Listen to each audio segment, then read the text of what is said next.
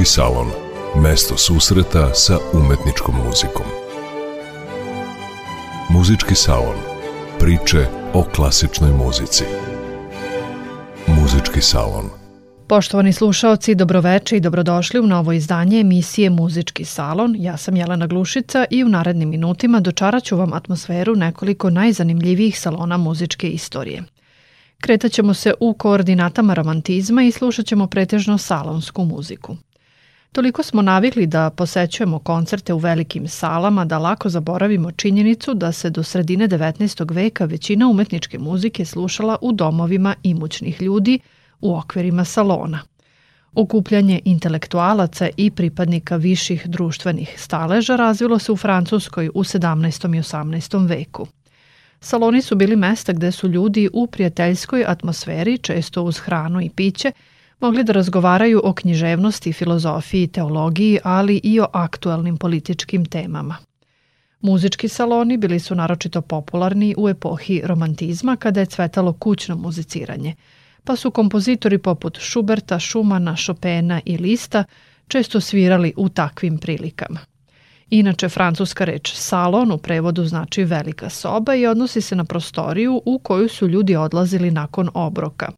Salone su organizovali dobrostojeći pripadnici društva koji su se uglavnom međusobno poznavali, ali dešavalo se da u društvo bude primljen i neko putem preporuke.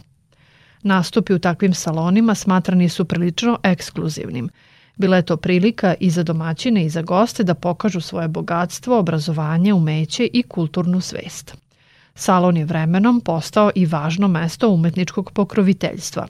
Setimo se da je Chopin, zahvaljujući nastupima u parijskim salonima, sretao bogate pripadnike francuskog društva koji su želeli da njihove čerke uče klavir baš kod njega – Nešto stariji savremenik Frederika Chopina bio je irski pijanista John Field, kojem se pripisuje da je izumeo žanr nokturna, toliko popularnog među romantičarima. Sa svojim profesorom, uglednim pedagogom Mucijom Clementijem, Field je iz Londona krenuo na koncertnu turneju po Evropi. Ona ga je na posledku odvela do Sankt Peterburga, gde je, fasciniran muzičkim životom, odlučio da ostane. U narednih gotovo 30 godina Field je komponovao pretežno salonsku muziku, a najbolji primer nalazimo u njegovim varijacijama na rusku melodiju za klavir četvororučno. Sviraju Pietro Spada i Giorgio Cozzolino.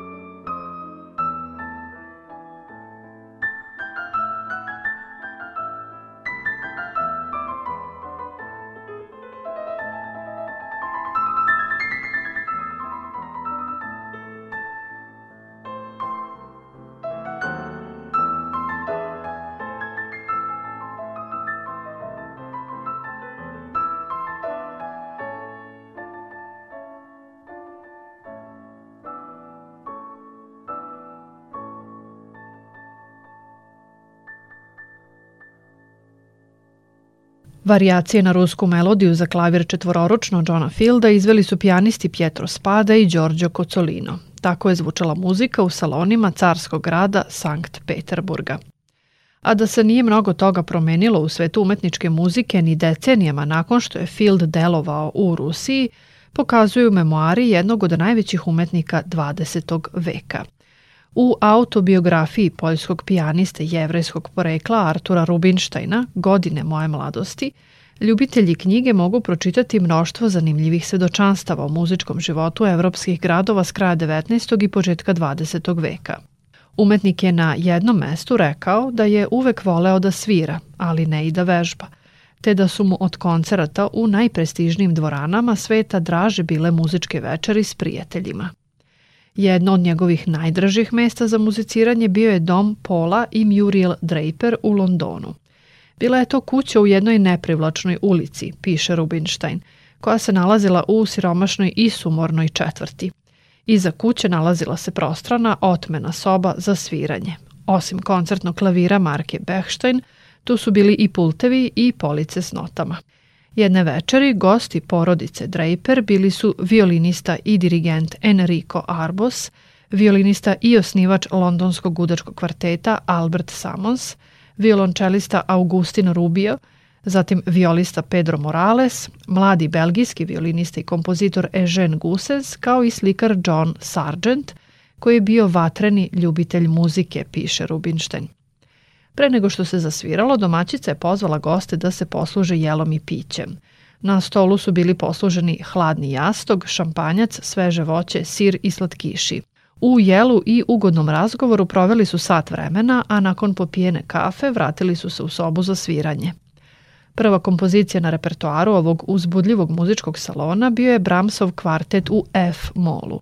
Za mene je to značilo svirati ga prvi put iz nota – U početku sam svirao oprezno, ali vrlo brzo sam se zagrejao i inspirisan emotivnom i snažnom saradnjom Samonsa i njegovih kolega, pružili smo sobstveno tumačenje ovog remek dela na srdačno odobravanje naših slušalaca, prisjeća se Artur Rubinstein.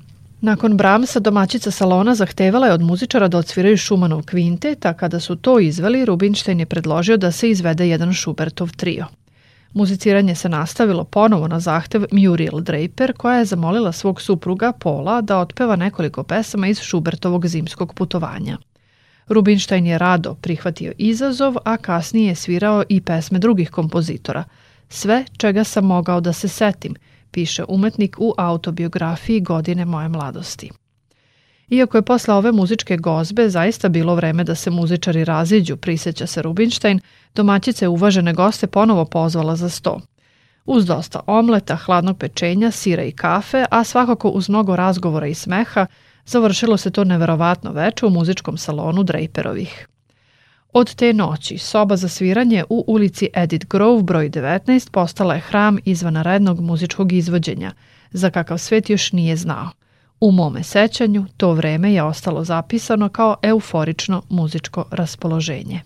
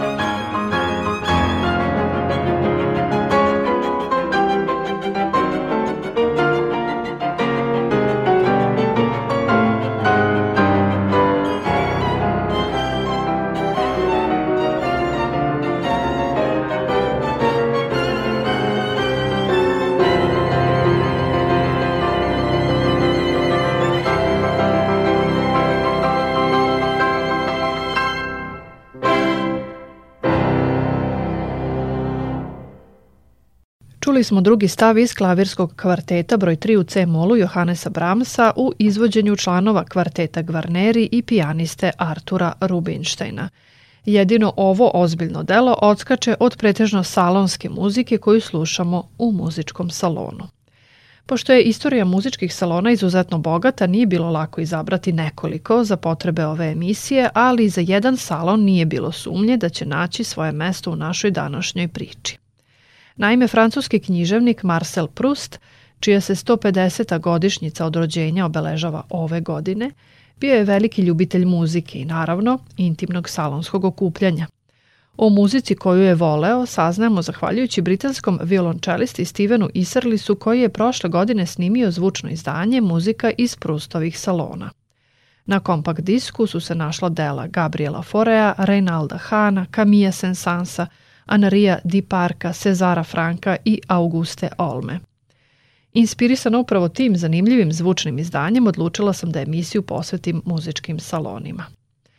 Još jedan miljenik francuskog društva, zvezda muzičkih salona, francuski kompozitor Reinaldo Hahn, rođen u Venecueli, bio je blizak prijatelj Marcela Prusta i Sare Bernard. Kompozitorski talenat pokazao je veoma rano. Kao 14-godišnji dečak napisao je jednu od svojih najlepših pesama na stihove Viktora Igoa. Studirao je potom na Parijskom konzervatorijumu kod uglednih pedagoga, postavši kasnije veoma plodan stvaralac. Danas je najpoznatiji kao autor solo pesama, napisao ih je više od stotinu. Prust je o njemu zapisao, možda malo pristrasno, sledeće reči. Nikada od Šumana nije postojala muzika koja oslikava tugu, nežnost i smirenost pred prirodom sa tako iskrenom ljudskošću i apsolutnom lepotom. Svaka nota je reč ili krik. Hanove varijacije na staru melodiju komponovane su 1905. godine, a zasnivaju se na ariji Beato Kipuo iz opere Xerx italijanskog baroknog kompozitora Francesca Cavalija. Slušamo ih u izvođenju violončelista Stevena Iserlisa i pijaniskinje Connie Ših.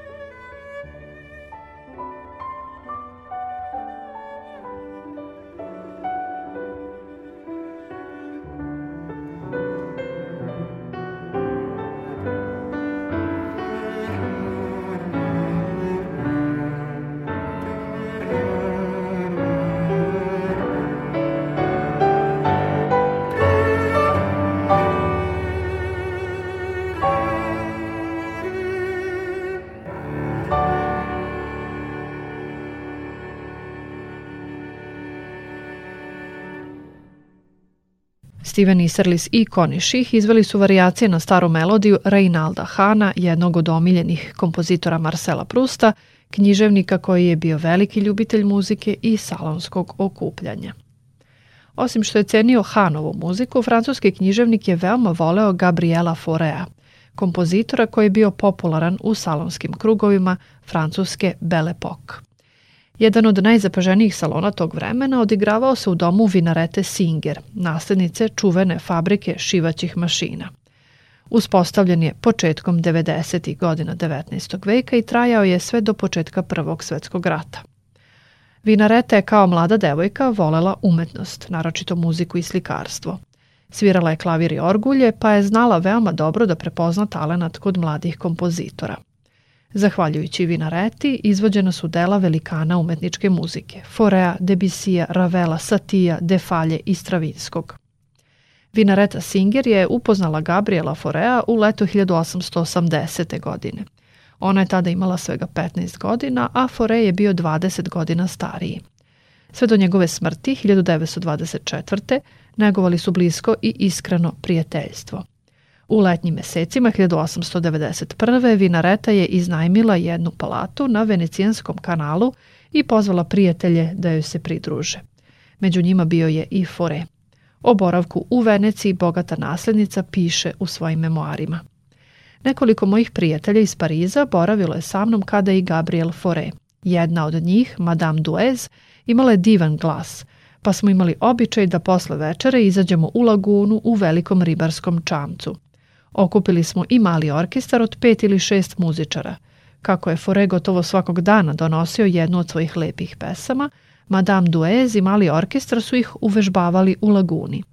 I tako sam prvi put čula te predivne pesme koje mi je posvetio. Te vokalne minijature kasnije su sabrane u ciklus pod nazivom Pet venecijanskih pesama i premijerno izvedene 6. januara 1892. godine na otvaranju Vinaretinog salona u Parizu. Tada je tenora Morisa Bazea na klaviru pratio sam kompozitor. Mi ćemo sada čuti prvu pesmu iz tog ciklusa, Mandolina, u izvođenju soprana Eli Ameling i pijaniste Gerara Suzea.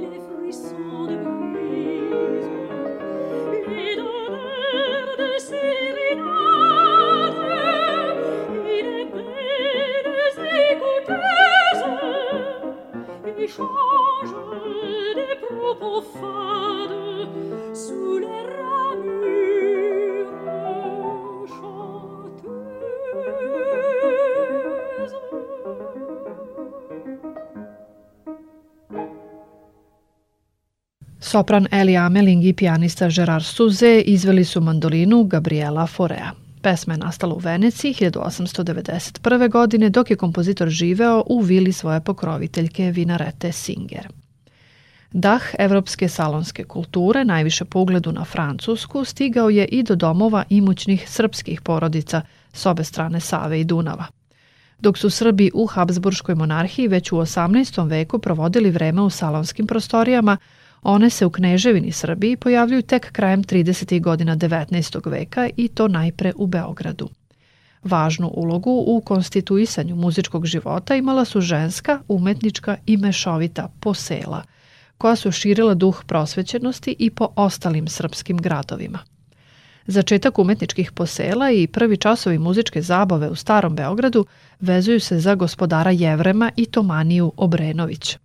Na repertoaru su bila dela evropskih kompozitora, ali vremenom su i srpske narodne i varoške pesme našle svoje mesto u muzičkim salonima našeg građanstva, ne samo u vokalnom obliku, nego i priređene za klavir. Repertoar je zapravo postao važno nacionalno i obrazovno pitanje, posebno usmereno na ženske članove društva. Bilo je važnije da mlade srpkinje nauče da sviraju narodne melodije na klaviru, umesto da uvežbavaju operske uvertire evropskih kompozitora. Da je sredinom 19. veka u Beogradu bilo dovoljno ljubitelja muzike i da klavir više nije bio redkost, govori podatak da je jedan put godišnje u našu prestornicu iz Beča dolazio klavir štimer Wilhelm Kling, koji je uživao gostoprimstvo Alojza Kalauza, češkog muzičara i prvog nastavnika klavira u Beogradu. Osim što je doprinao razvoju muzičkog života u Beogradu, Kalauz je rado zapisivao srpske narodne melodije koje su pevane u domovima imućnih beogradskih porodica. Jednu od njih slušamo u nastavku emisije. Pijanistkinja Jasmina Janković svira komad Što se bore misli moje.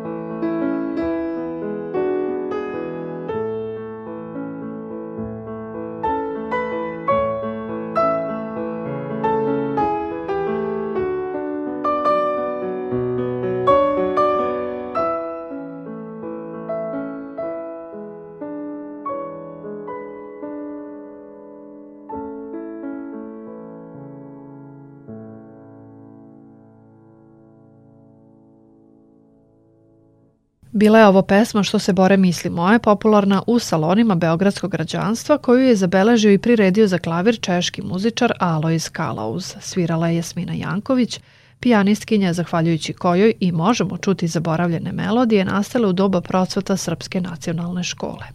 Komadi koje slušamo u njenom izvođenju nalaze se na zvučnom izdanju Srpska kraljevska muzika dinastije Karađorđević. Inače, dugo se verovalo da je stihove pesme Što se bore misli moje napisao knez Mihajlo Obrenović, posvetivši ih Katarini Konstantinović, unuci Jevrema Obrenovića. Međutim, 2003. godine otkriven je notni zapis melodije na te stihove koji je komponovao Alois Kalauz. Uz note nalazila se i rukom ispisana posveta Kleopatri Karađorđević, kćerki kneza Aleksandra i kneginje Perside, sestri potonjeg kralja Petra I. Pesma je i danas izuzetno popularna, a bila je neizostavni deo muzičkih salona Srpskog građanskog društva.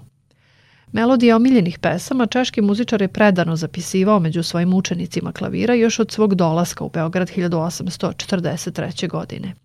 Kneginja Persida Karađorđević angažovala je Kalauza kao vospitatelja klavira za svoje kćeri, a radi izobraženija i uveselenija u svom konaku je dva puta sedmično priređivala umetnička posela.